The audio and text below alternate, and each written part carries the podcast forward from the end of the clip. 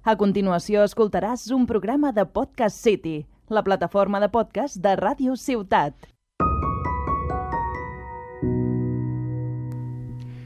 Hola, hola, com esteu?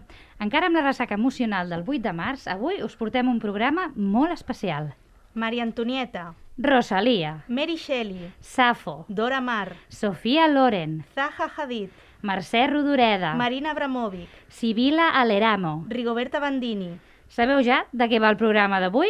De dones? De dones. Poseu-vos una cerveseta ben fresca, que comencem.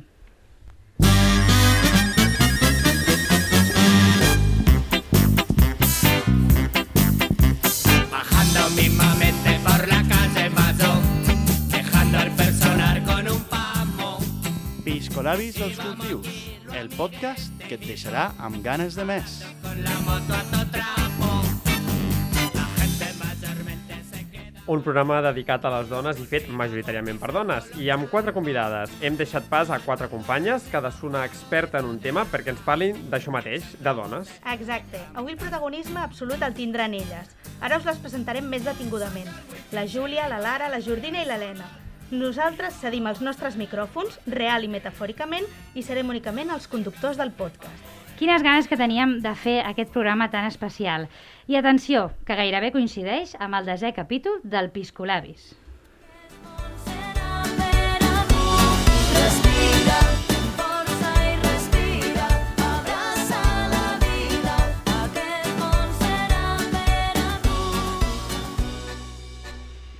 Passo sense més dilació a presentar la nostra primera convidada, l'Helena Casas Perpinyà. L'Helena és medievalista i investigadora del Centre de Recerca de Dones Duoda de la Universitat de Barcelona i està a punt de defensar la seva tesis doctoral. Combina la seva feina acadèmica amb un projecte feminista de divulgació artística, Femina Verbipotens, centrat en l'elaboració de fanzins. A més, des de fa un any i mig, coordina el Club de Lectura Feminista de la Biblioteca Pública de Tarragona, que compta amb una seixantena de participants.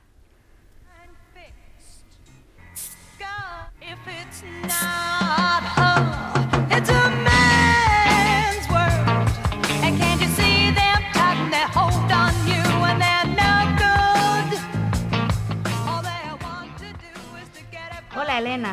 De què vens a parlar-nos avui? Moltíssimes gràcies a totes per convidar-me. Estic molt contenta d'estar aquí avui amb vosaltres i avui voldria parlar-vos de la llibertat femenina al llarg de la història i no pas de la història del patriarcat. I dic això perquè molts estudis històrics tendeixen a estudiar la història de les dones a través de l'opressió que hem patit al llarg dels segles i així s'invisibilitzen tots aquells espais de llibertat femenina que van existir i que van ser generats per les dones i per les relacions de sororitat entre elles en diversos moments i períodes històrics. I aquesta llibertat femenina és el que jo treballo i el que a mi m'interessa. Podries parlar-nos més d'aquests espais de llibertat? Posa'ns alguns exemples. Bé, el primer exemple que tenim a la història d'aquesta llibertat femenina és, evidentment, prepatriarcal, quan encara prevalien els cultes a la deessa mare.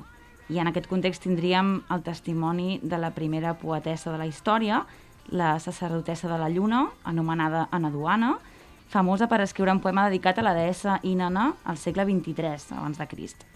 I quan i com creus que es dona aquest canvi de culte a la deessa mare en l'era patriarcal? Moltes historiadores feministes de l'antiguitat situen aquest canvi negatiu per les dones en temps de Moisès, sota el poder de faraó Akhenaton. I, de fet, la Bíblia jueva, que és el que coneixem com l'Antic Testament, fa diverses referències a la necessitat de censurar aquest culte a les deesses. I tot i així, com deia, les dones hem tingut la capacitat d'esquivar el patriarcat al llarg de la història i mantenir aquests espais de llibertat. De fet, els cultes pagans dedicats a la mare prevalen també a l'època medieval. Seguint el fil que comentes, sabem que la cultura grecorromana era molt masclista. Què passa llavors amb aquesta herència de l'imperi romà, per exemple? Doncs passa que els primers segles de l'època medieval són moments d'esplendor per les dones. Tenim poetesses, dramaturgues com Roswitha de Gandersheim, tenim la fundadora del monacat, Macrina la Jove, tenim la primera vaguina al segle XI, Ava de Melc, però la reintroducció del dret romà al segle XIII seguida després del, del, del sorgiment del Renaixement, són aspectes negatius per a aquesta llibertat femenina. Eh, sempre s'ha pensat que el Renaixement va ser un moviment cultural revolucionari per l'art i també per les humanitats. Eh, quin impacte va tenir en la llibertat femenina de la qual ens parles? Una gran historiadora, que es deia Joan Kelly, va preguntar-se si també va haver-hi renaixement per les dones. I la resposta és clarament que no, ja que va ser un moviment totalment androcèntric i a més va obrir les portes de l'època moderna, és a dir, l'era de la cacera de bruixes i de l'exclusió de les dones de l'educació. Mentre que a l'època medieval l'educació era més una qüestió de classe, d'estament, que no pas una qüestió de sexe. Llavors, pel que dius, no creus que hi hagués llibertat femenina a l'època moderna? Bé, realment sempre hi ha llibertat femenina, la història de les dones no és lineal ni progressiva, i, per exemple, l'època moderna a França és l'era de les anomenades precioses, dones pertanyents a la noblesa, que van convertir casa seva en salons de trobada dedicats al debat polític i literari. I, de fet, la Revolució Francesa, protagonitzada per homes, va acabar amb aquests espais polítics regentats per dones. Després d'aquest repàs eh, històric superinteressant, arribem a l'època contemporània. I voldries comentar alguna coseta més abans d'acabar? Ah, sí, que escolteu la cançó que hem posat de la Linda Hoyle, dedicada a la feminista nord-americana Valerie Solanas, una dona lliure, autora del manifest Scum, amb el qual va posar paraules a la necessitat d'acabar amb els homes patriarcals. Moltíssimes gràcies, Helena. It's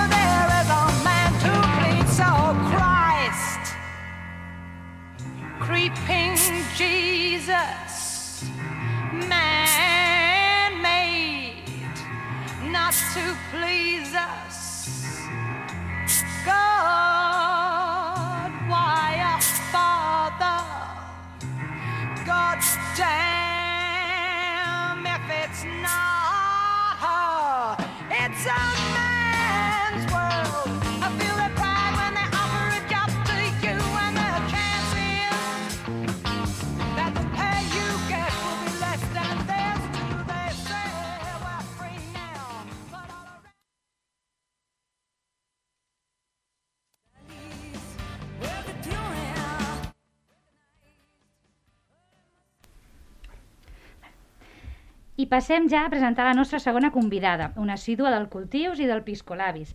La Lara Álvarez, vinguda de Galícia, però asturiana de naixement, fa 20 anys que viu a Catalunya. Administrativa i amant de la música i els festivals, és la col·laboradora musical del Cultius. Tota una experta en l'indie patri. I, de fet, ella és la que gestiona la playlist de Spotify d'indie espanyol, que és la primera llista que vam tenir. recognized.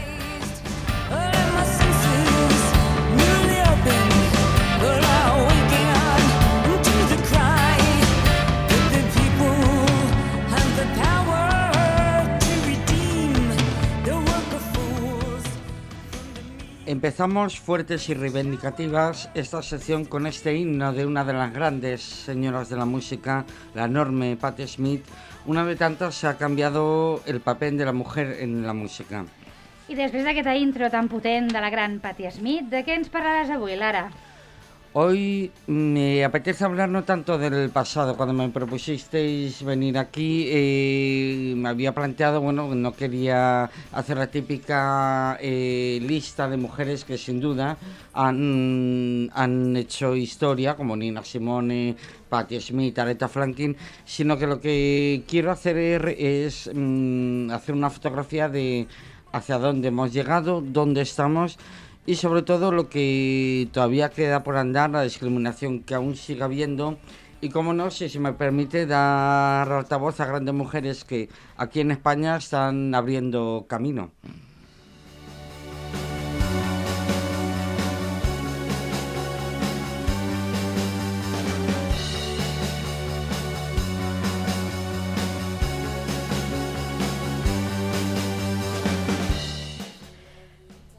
I a què et refereixes quan parles de la discriminació que ha patit la dona dintre del món musical? A ver, es que de, siempre la, la mujer inicialmente era considerada como la típica mujer florero. Era solo la, la que cantaba, eh, no solía tocar instrumentos, eh, a ser posible, si fuese guapa, muchísimo mejor.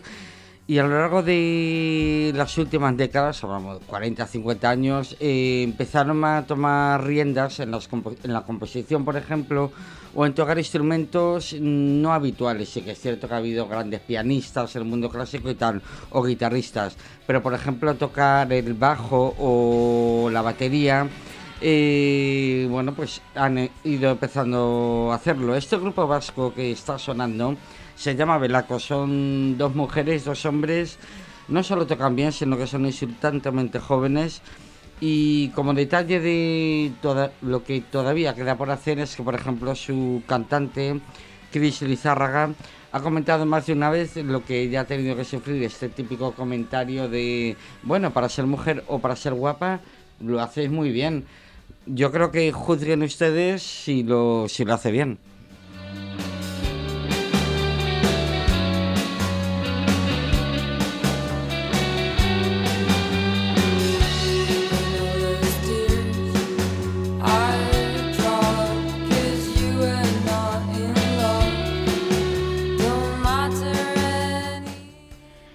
Per què creus que encara hi ha aquesta visió masculinitzada dintre del món de la música? Hombre, la música no deja de ser eh, un reflejo de la sociedad y aunque lo consideremos o tengamos esa visión de que es un mundo más liberal, más... sigue habiendo actitudes enormemente machistas como por ejemplo se ha tratado a profesionales como road managers o managers cuando se acercaban a lo mejor a una mesa de sonido a hacer una indicación sube esto, sube lo otro bueno pues el propio técnico de sonido tratar con desprecio de decir el típico comentario de ah, pensaba que eras la novia del cantante pero bueno, aún hay más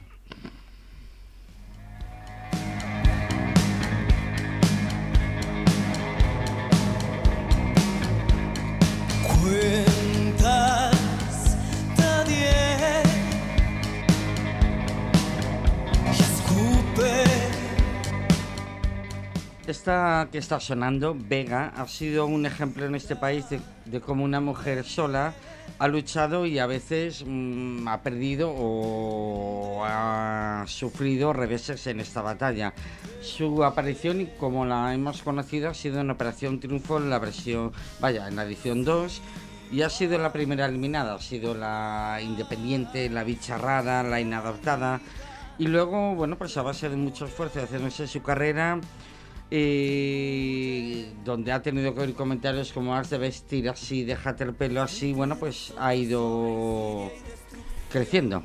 I per què creus que un perfil d'artista eh, més independent, no? com, com és Vega, va optar per presentar-se a un concurs de música precisament tan comercial com és Operación Triunfo? Hombre, quizá ella te respondería mejor, pero yo creo que los músicos independientes también, y sobre todo jóvenes, ven una posibilidad y un altavoz para expresar su música, para darse a conocer y tener repercusión, o incluso con la inocencia de, de ser jóvenes, de pensar que se va a conseguir luchar contra, contra esto. Mm. Pero bueno, ella sobre todo ha tenido un público que la ha hecho vaya, seguir en este camino y que la apoya incondicionalmente sin ser mayoritario. Y esta canción eh, fue un- grabada en un concierto, en un disco eh, que yo recomiendo antes de la pandemia y fue un concierto que ya preveyó eh, hacer como despedida, sin avisar a nadie. Solo ella sabía que quería hacer esa despedida sin avisar al público para no crear este tipo de, de ambiente tan triste. Lo que pasa es que en el concierto, que insisto, recomiendo, se ha creado tal ambiente de magia que bueno, pues ella ha decidido seguir. Y en esta canción está tocando con otra gran compañera, Eva Amaral, que también ha tenido que sufrir, bueno, pues comentario de, bueno, pero el que compone es el, el otro, ¿no? El Juan Aguirre. Aunque, por cierto, he de decir también que Juan Aguirre también en su medida también ha sufrido un tipo de discriminación pensando que Amaral es solo ella. Exacte. Y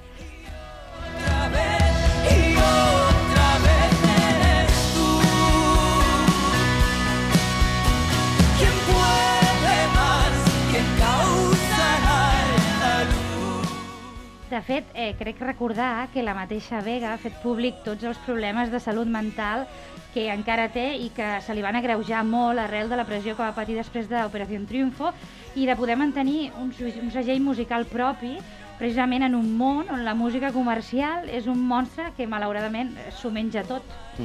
Exacto, y de hecho acaba de sacar un disco llamado Mirro Blanco que recomiendo, donde a través de las letras plasma precisamente todo este tipo de, de actitudes y presiones que ha tenido que, que- que lidiar.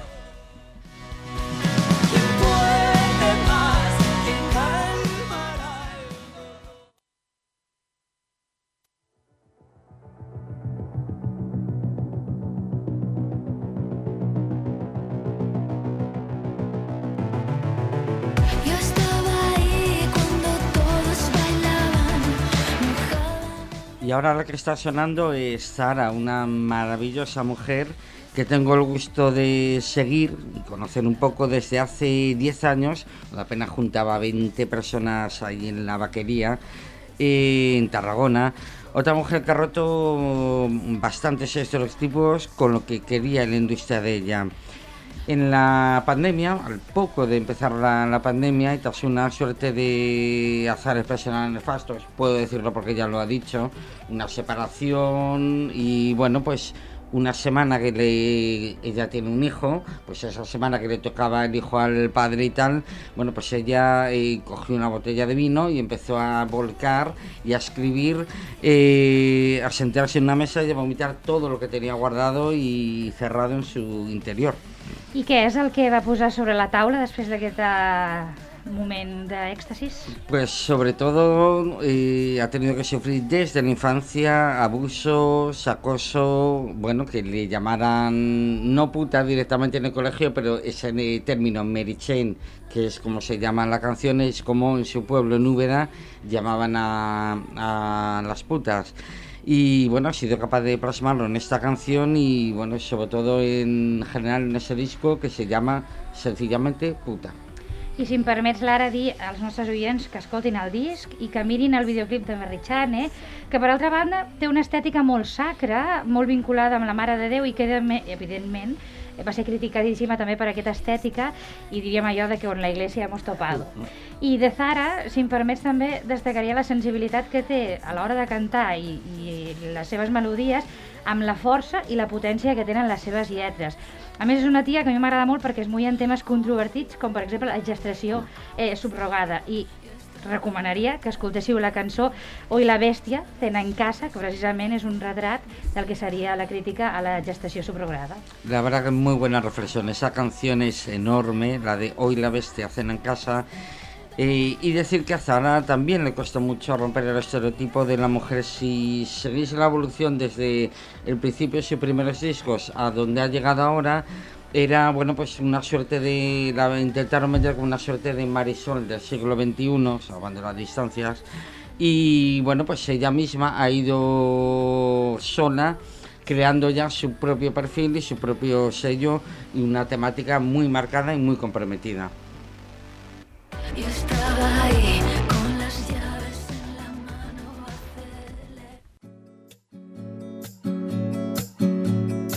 Una niña triste en el espejo me mira prudente y no quiere hablar. Hay un monstruo gris en la cocina que lo rompe todo, que no para de gritar. Y aquí tenemos otra de las grandes de la música española, Rosalind que en esta canción, bueno, pues con cierto tono, casi diría infantil, melancólico, sin llegar a ser muy crudo, habla de una de las lacras mayores en esta sociedad, como es la violencia hacia la mujer, como, bueno, pues intentar abrir una puerta, en este caso Violeta, para abrir un mundo donde ojalá, ojalá no exista este terrorismo contra las mujeres. Sencillamente es preciosa esta canción. Pero dibujé una puerta violeta en la pared. A més, Rosalén, a part de fer bona música reivindicativa, també porta amb ella una companya, la Beatriz Romero, que interpreta les seves cançons en llenguatge de signes. Exacto, exacto. Así es una forma de hacer más inclusiva aún aún la música, ya no solo pues eso, mujeres afroamericanas desde el principio de los años 50, 60, a colectivos LGTBI, colectivos minoritarios, como en este caso pues los discapacitados. Un castigo que se me impone, un verso que me tacha y me. Y vamos acabando concluyendo que el camino que se ha ido abriendo a base de mucho esfuerzo, a base de que muchas mujeres, no solo música, porque hasta ahora hemos estado hablando de músicas, eh, se han ido abriendo con mucho esfuerzo el doble incluso de que sus compañeros. Pongo un ejemplo de, bueno, eh, mujeres directivas, apenas vemos mujeres directivas en las grandes multinacionales eh, o en el mundo de los managers, eh, pero pongo un ejemplo, en los años 80, eh, creo que conocéis a Miguel Bosé, Mecano, La Unión, bueno, pues los llevaba una mujer, una mujer fue la que llevó a toda esta gente, se llama Rosa Lagarrigue y sigue en activo todavía. Y es un ejemplo no solo para las mujeres, sino incluso para muchos o la gran mayoría de sus, de sus compañeros. Desperté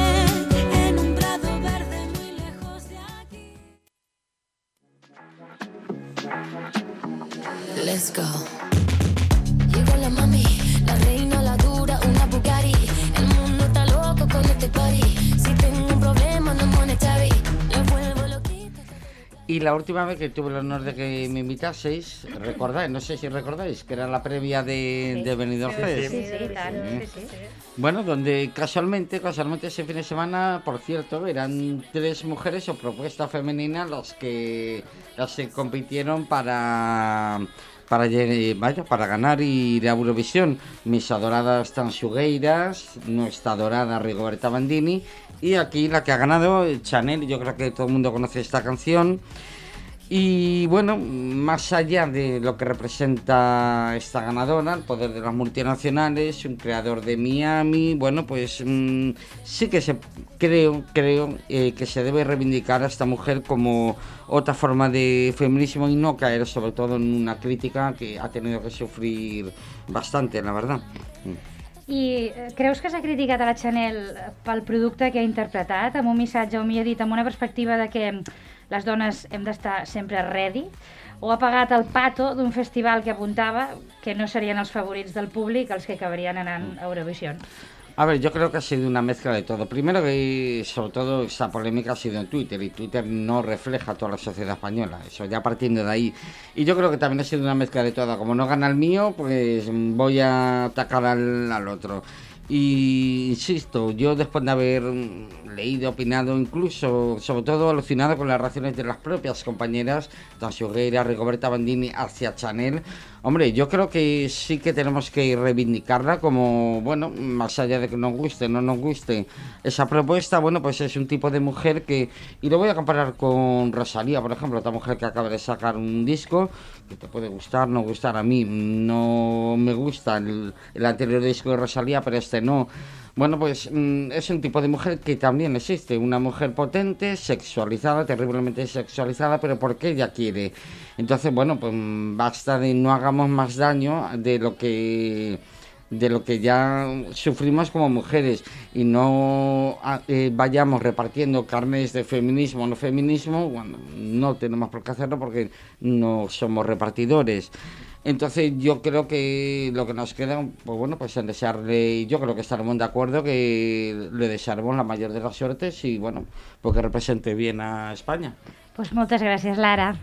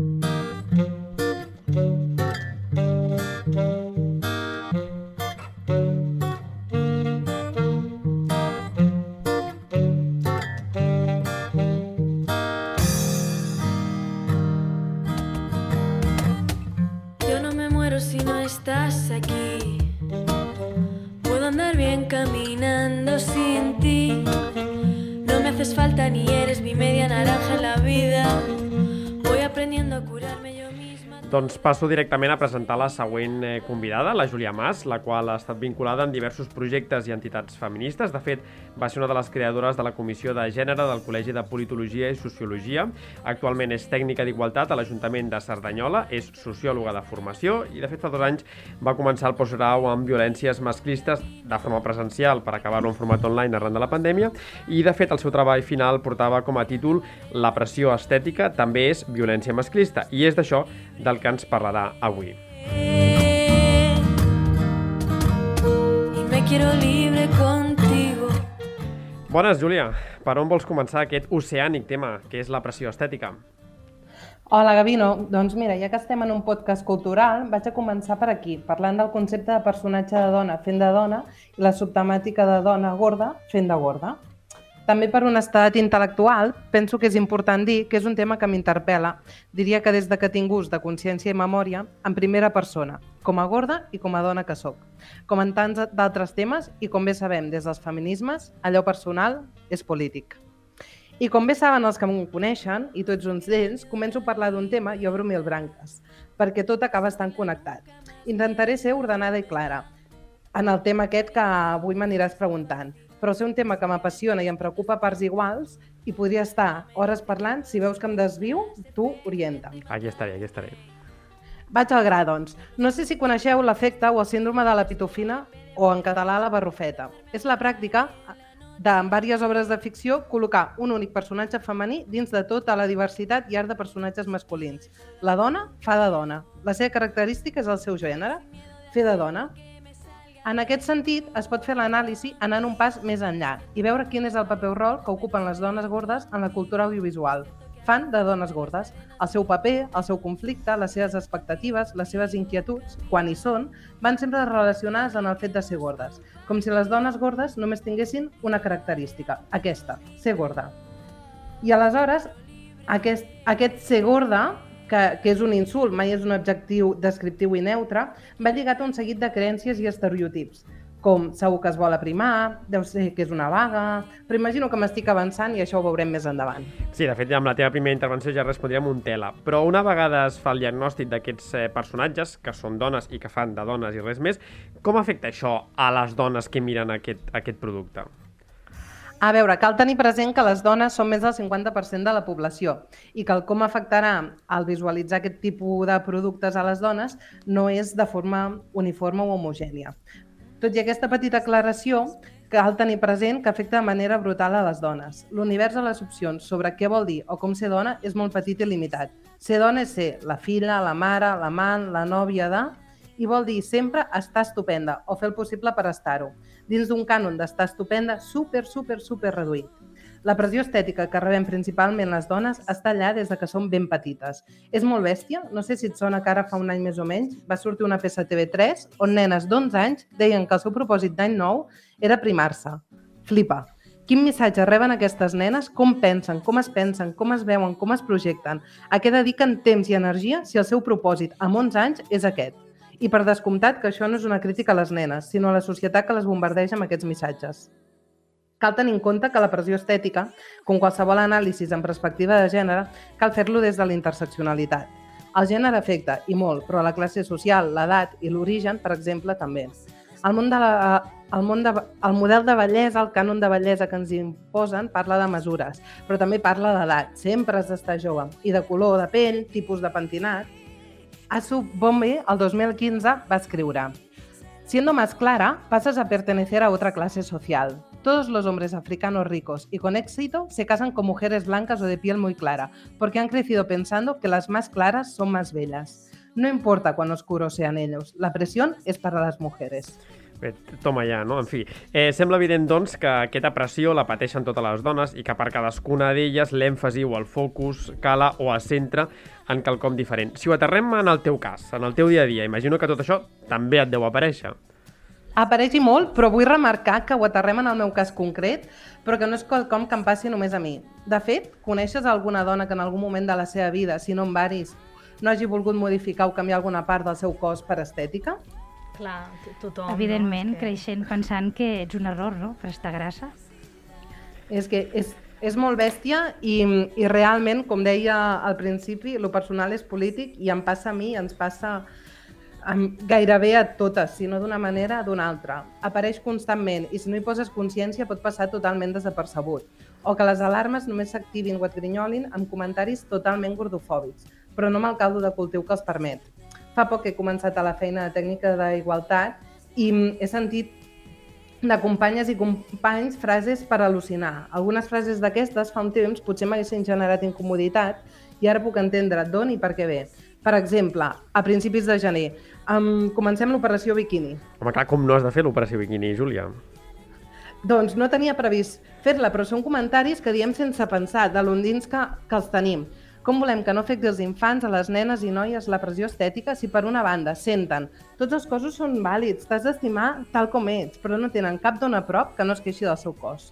Tots els cossos són vàlids, no mengis més patates, fes més esport, ningú t'estimarà, segur que vols repetir, missatges contradictoris. L'altre dia, per exemple, no fa ni una setmana, ho tinc molt recent, vaig entrar en una pastisseria a comprar-me unes ulleres de xocolata i una dona que estava allà, a qui jo evidentment no havia demanat l'opinió, em va dir, sí, noia, sí, tu fes, ja començaràs la dieta demà.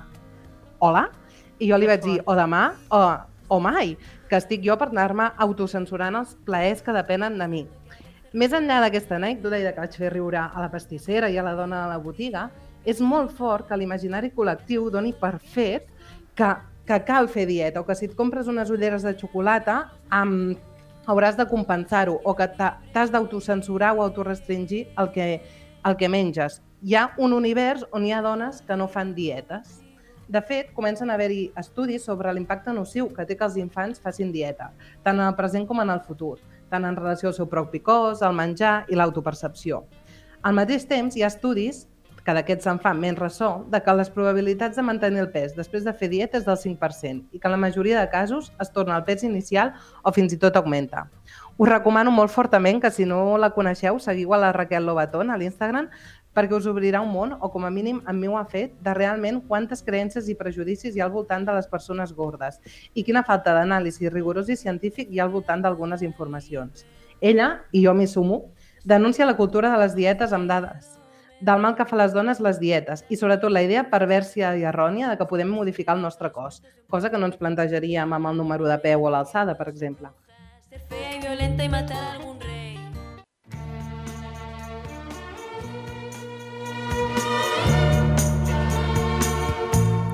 Yo no soy esa que tú te imaginas, una señorita tranquila y sencilla que un día abandonas siempre perdona a esa niña si no, esa no soy. Bé, aprofitant aquestes paraules de Maritrini i que algun dia podríem analitzar les cançons que es van colar durant el franquisme amb, eh, com si fossin coples i, i coses així. Però bé, al final, el que t'estàs referint, si no ho estic entenent malament, és com a l'imaginari cultural exerceix pressió estètica. És a dir, la dona té un ideal de bellesa marcat, un cànon de bellesa segons el seu temps, el seu context, i això ens portaria, ens portaria llavors als estereotips, no? Moltíssimes capes a analitzar. Per una banda, el rol de gènere i els estereotips vinculats al fet de ser dona, que resumidament seria tu has vingut aquí, a la vida, a agradar. A agradar pel teu cos i agradar als homes. I l'altra, quina és l'ascensió social i el càstig quan això no és així. Si estàs grassa ningú t'estimarà, si no et saps cuidar tu com has de cuidar els altres, i en tot això hi ha diferents creences i rols, i estereotips superarrelats tant individual com socialment com si tenir un determinat pes fos indicatiu, indicatiu de cuidar-se més o menys, o de que les dones hem de cuidar, o de que som més llestes. Si féssim l'exercici de què penseu quan penseu en una dona gorda? O com penseu que és aquesta dona? Hi hauria adjectius que repetirien. Vaga, poc cuidadora, simpàtiques i divertides per compensar la seva poca bellesa. I, per exemple, si ja vincules la gordofòbia, això em posa la pell de gallina, amb la cultura de la violació en la que vivim, se sobreentén que les dones gordes han de dir que sí a qualsevol proposta sexual rebuda per un home. Perquè encara se suposa que et fan un favor. Com has de lligar? Com no ha de tenir fàstic la gent de tocar-te? Aprofita si algú amb, té alguna intenció amb tu, encara que tu no et vingui de gust. De fet, posa llum a l'assumpte entendre la pressió estètica com una forma més de violència masclista i vincular-la amb altres manifestacions d'aquesta, com la violència física, la psicològica o l'econòmica. Amb això no perdo de vista que la pressió estètica i social és per totes les dones. Malauradament diria que per totes les persones, perquè la igualtat de la mà del capitalisme s'està equilibrant per la banda errònia. Més pressió pels nens i homes en lloc de menys per les dones. La pressió estètica la viu gairebé tothom, però per les dones és molt més forta, tant en quantitat com en qualitat d'impacte.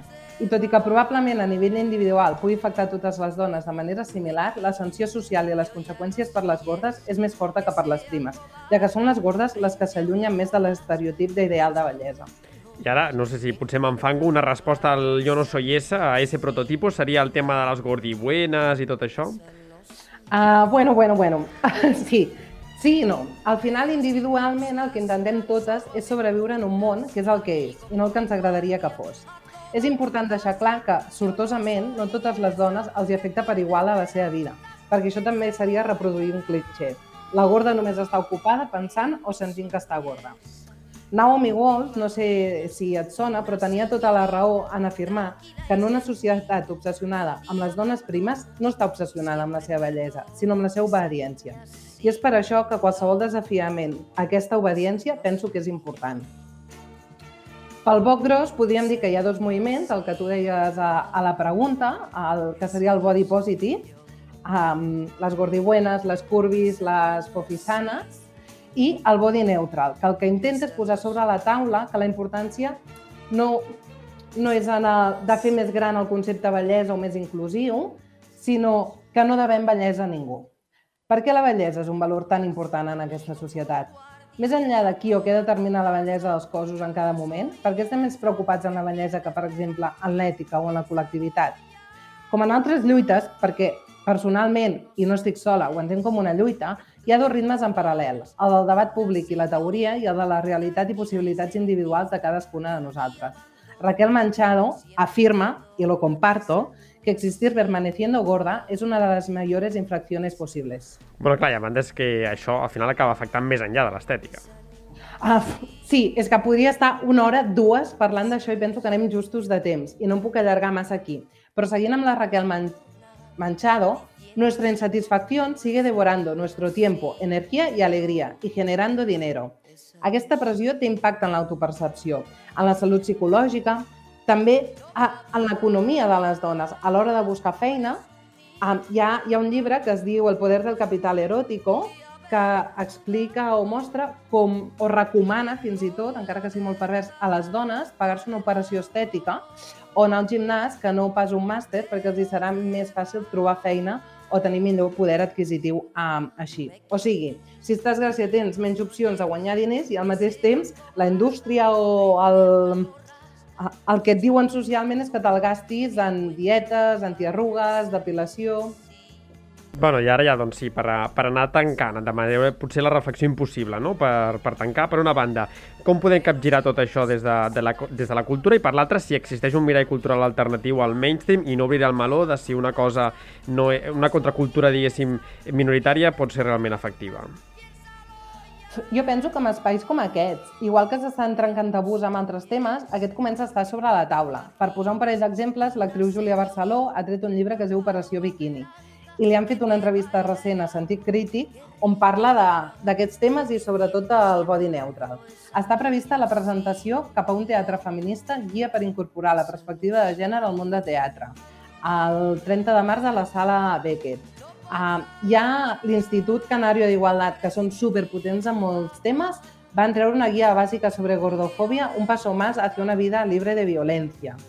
Jo penso que primer de tot cal prendre consciència de l'abast realment de les causes i de les conseqüències d'aquesta realitat um, per poder canviar imaginaris i, i referents i, i no jutjar ningú per les decisions que individualment pugui prendre per sobreviure en un món tan hostil.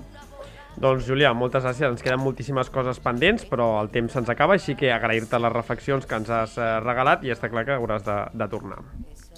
Moltes gràcies. Pero si buscas tan solo aventuras, amigo, pon guardia. nombre consiento que dicta mi sentencia. Solo Dios puede juzgarme. Bueno, i després de deixar-nos una mica xafats amb la secció de la, de la Júlia, pre presentem a la última convidada del podcast d'avui, la Jordina Estupà Masdeu. Va estudiar Belles Arts per després graduar-se en Història de l'Art, especialitzant-se en art medieval. Ha estudiat sobretot la construcció de les representacions iconogràfiques, especialment la figura de Maria i el cicle de la Nativitat. Va treballar 4 anys com a educadora al MENAC i actualment es dedica a la comunicació i està re realitzant la ardua tasca de finalitzar el màster de professorat que sembla que no arribarà mai al juny. Jordina, de què ens parlaràs avui? Bé, primer de tot, moltes gràcies per haver-me convidat i, i dir que avui eh, parlarem del paper de les dones a l'art de l'edat mitjana, no només com a objecte representat i el que se'ns vol dir a través seu, sinó també com a subjecte creador, participant en diversos àmbits de la creació artística del moment. I és que, de fet, la història de les dones com a agents de produc de productors de cultura encara, era, encara ara és una assignatura malauradament pendent en la historiografia. En l'art medieval, els o les creadores tenien una importància relativa, eren uns artesans més i s'allunyaven de la idea d'artista com l'entenem actualment. De fet, eh, pretenia, eh, ser molt, pretenia molta més importància, o tenia molta més importància, no la persona que creava físicament o materialment l'obra, sinó la persona que la ideava, la finançava, que la impulsava i en dirigia, diguéssim, l'empresa creadora. No són els que anomenem promotors o comitents. I quin paper tenien les dones en aquesta promoció artística?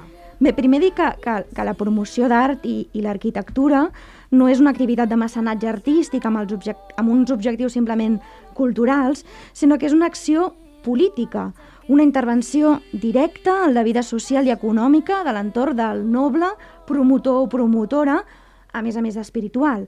Les famílies nobles, i després també veurem que les burgeses, sobretot a partir del gòtic, actuen d'aquesta manera i promouen obres artístiques com a part de l'actuació social. D'aquesta promoció se n'ocupen tant els homes com les dones. I, de fet, les dones tindran un paper molt intens en aquesta promoció. Ens podries parlar d'alguna promotora? Doncs sí, de fet m'agradaria parlar-vos de la comtessa Llúcia de Pallars. Llúcia de la Marca, comtessa de Pallars, va ser una gran promotora artística i tenim com a exemple les pintures a l'absis de Sant Pere del Burgal, al Pallars Sobirà, que actualment estan al Manac, unes pintures on, a més, ella hi apareix representada. Estem al segle XI i en el romànic no és gaire freqüent, com sí que ho serà després en el gòtic, que qui promou l'obra estigui també representada. No és només que Llúcia promovés aquestes pintures com a pura acció política, sinó que s'hi representa, també el seu marit, per fer constar la seva promoció. Jo pago, jo vull, que, vull sortir a la foto i vull que, i vull que tothom sàpiga doncs, que m'he gastat els meus diners en, en fer això. I a banda de les dones promotores, hi havia dones que creessin, que, que creessin materialment les obres? Doncs evidentment que sí. Els i les creadores medievals eren artífecs molt conscients i orgullosos i orgulloses de les seves habilitats, eh, que eren valorades tant per ells mateixos com pel seu entorn. Per això, a vegades, arribaven a signar les seves obres, potser no exactament com una mostra d'orgull o de gent individual, però sí com a marca d'atribució personal o fins i tot de garantia professional. A l'art romànic català tenim constància de dues signatures de dones creadores, concretament de dues brodadores. Una firma amb el nom de Maria en una estola conservada a l'església de Sant Feliu de Girona i, cone i coneguda com a estola de Sant Narcís, i l'altra signen amb, amb el nom d'Elisava, el panó de Sanot, un estàndard procedent de la catedral de la Seu d'Urgell. I malgrat no signen, s'estima que el gran i conegut brodat o tapís de la creació de Girona el van brodar unes monges. I malgrat aquest brodat el coneixem tots i totes, eh, se n'obvia la producció femenina. Clar, jo no ho sabia, eh, lo de la, la creació de Girona, déu nhi I només hi havia creadores brodadores? No només. Coneixem dones creadores des de l'alta edat mitjana fins al gòtic tardà i després, evidentment, doncs, el renaixement i el barroc, dones que no són només brodadores com Maria o Elisava, com hem, hem comentat, sinó que també es dediquen a altres arts, la pintura, sobretot la miniatura, i més ocasionalment tenim l'escultura, l'orfebreria, fins i tot prenen part en la construcció d'edificis, si bé doncs, de manera més secundària.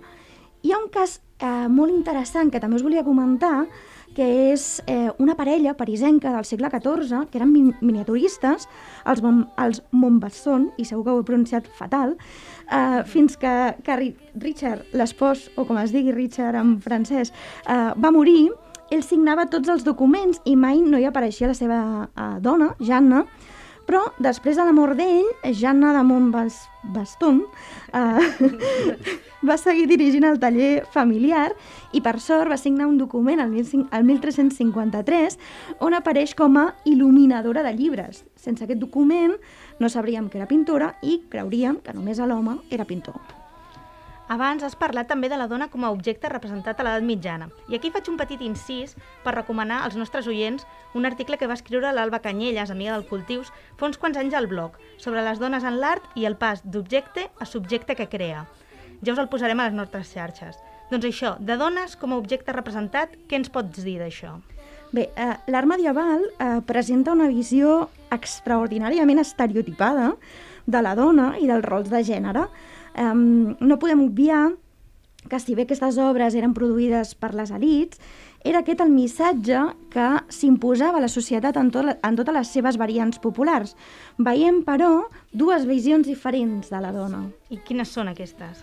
Doncs, per una banda, la visió negativa de la dona, que és molt habitual en els textos medievals, en el romànic i encara més, um, i de manera encara més racionalitzada i concreta en el gòtic, l'exemple màxim d'aquest estereotip en l'art encarna l'encarna sens dubte la figura de la primera dona, segons la Bíblia, Eva. Eva com a pecadora, com a subjecte del propi pecat i com a vehicle um, de, de tot aquest mal no? i del propi diable en exercir doncs, les dones la seva llibertat i especialment la seva llibertat sexual eh, fugen del control masculí, desestructuren els valors patriarcals de la societat. Per això l'atribució del pecat és ràpidament feminitzat en, en el món judeocristià i a la mentalitat eh, medieval. Sempre, o molt sovint, les dones pecadores ho són perquè són lliures, perquè no estan sotmeses, i serà només a partir de la submissió, després ho veurem, que la dona es redimeix i pren el seu lloc, el lloc que és correcte, a la societat, contribuint a la seva submissió a l'esta- a l'estabilitat dels codis patriarcals. I la- l'altra visió quina seria? Doncs la de Maria, i per extensió, la resta de santes. No? Veiem eh, que la representació de Maria durant el romànic és no de mare, sinó purament de, de cadira. No? Maria no tindrà una representació, una relació maternal amb el nen Jesús, sinó que serà el que anomenem el tron de la saviesa del nen, que queda molt més bonic. Maria, per contra d'Eva, eh, és el model a seguir per tota bona dona cristiana. És ella que assumeix el paper que li toca, que no, que no és creadora, perquè el creador qui serà Déu, sinó simplement eh, és un cos gestant, eh, aquella dona submisa als designis divins. Però, clar, la, la, la comunitat cristiana estava formada també per dones, almenys el 50%. I l'Església doncs, també havia de servir aquesta clientela femenina i oferir-los oferir-les aquests models de comportament. Veiem que a poc a poc la figura de Maria va començar a tenir un, un relleu més important no? dins la literatura cristiana i també dins l'art, Ma Maria passarà a convertir-se en un personatge fonamental al centre mateix de la devoció popular cristiana durant la part final de l'edat mitjana. Això comporta també un canvi en la manera de representar-la. La Mare de Déu del Gòtic ja no fa de cadira, sinó que exerceix el paper de mare, cuidadora, i el paper que, en definitiva, pertoca a la dona en contraposició a Eva. El simbolisme de Maria no otorga cap valor a la dona mare en tant quelcom important per a la perpetuació de la vida, sinó més aviat desproveeix a les dones de tot valor que no sigui el de proveir als altres, cuidar, fins i tot per sobre de la pròpia cura personal, fent extensiva una imatge de la mare abnegada que no té raó de ser si no és en funció dels altres. Molt interessant i moltes coses, es veuen moltes coses que encara passen avui dia. Per últim, veiem que has escollit una cançó de la, de la Rosalia. Sí, he, escoltat, uh, he escollit l'última cançó de, de l'àlbum El mal querer de, de la Rosalia. La cançó es titula A ningú nombre, capítol 11, Poder.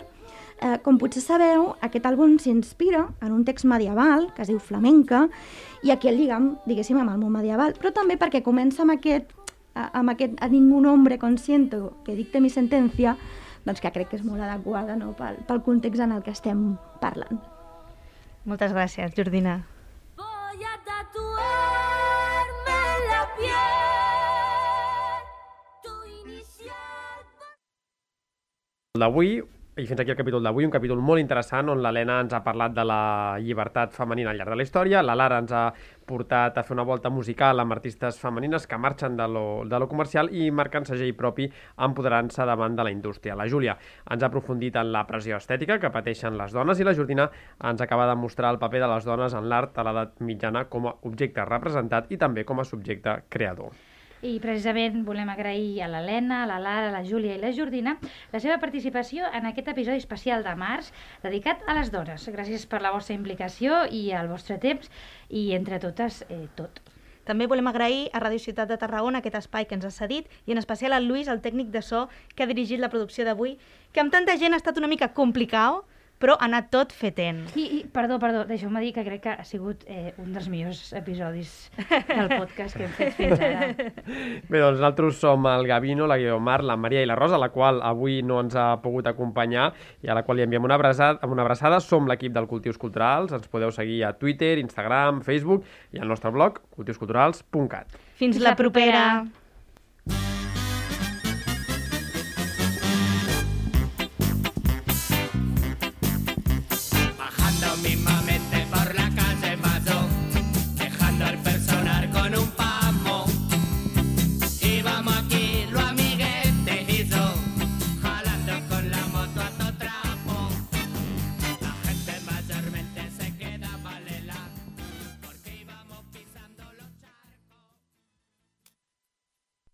Has escoltat un programa de Podcast City, la plataforma de podcast de Ràdio Ciutat.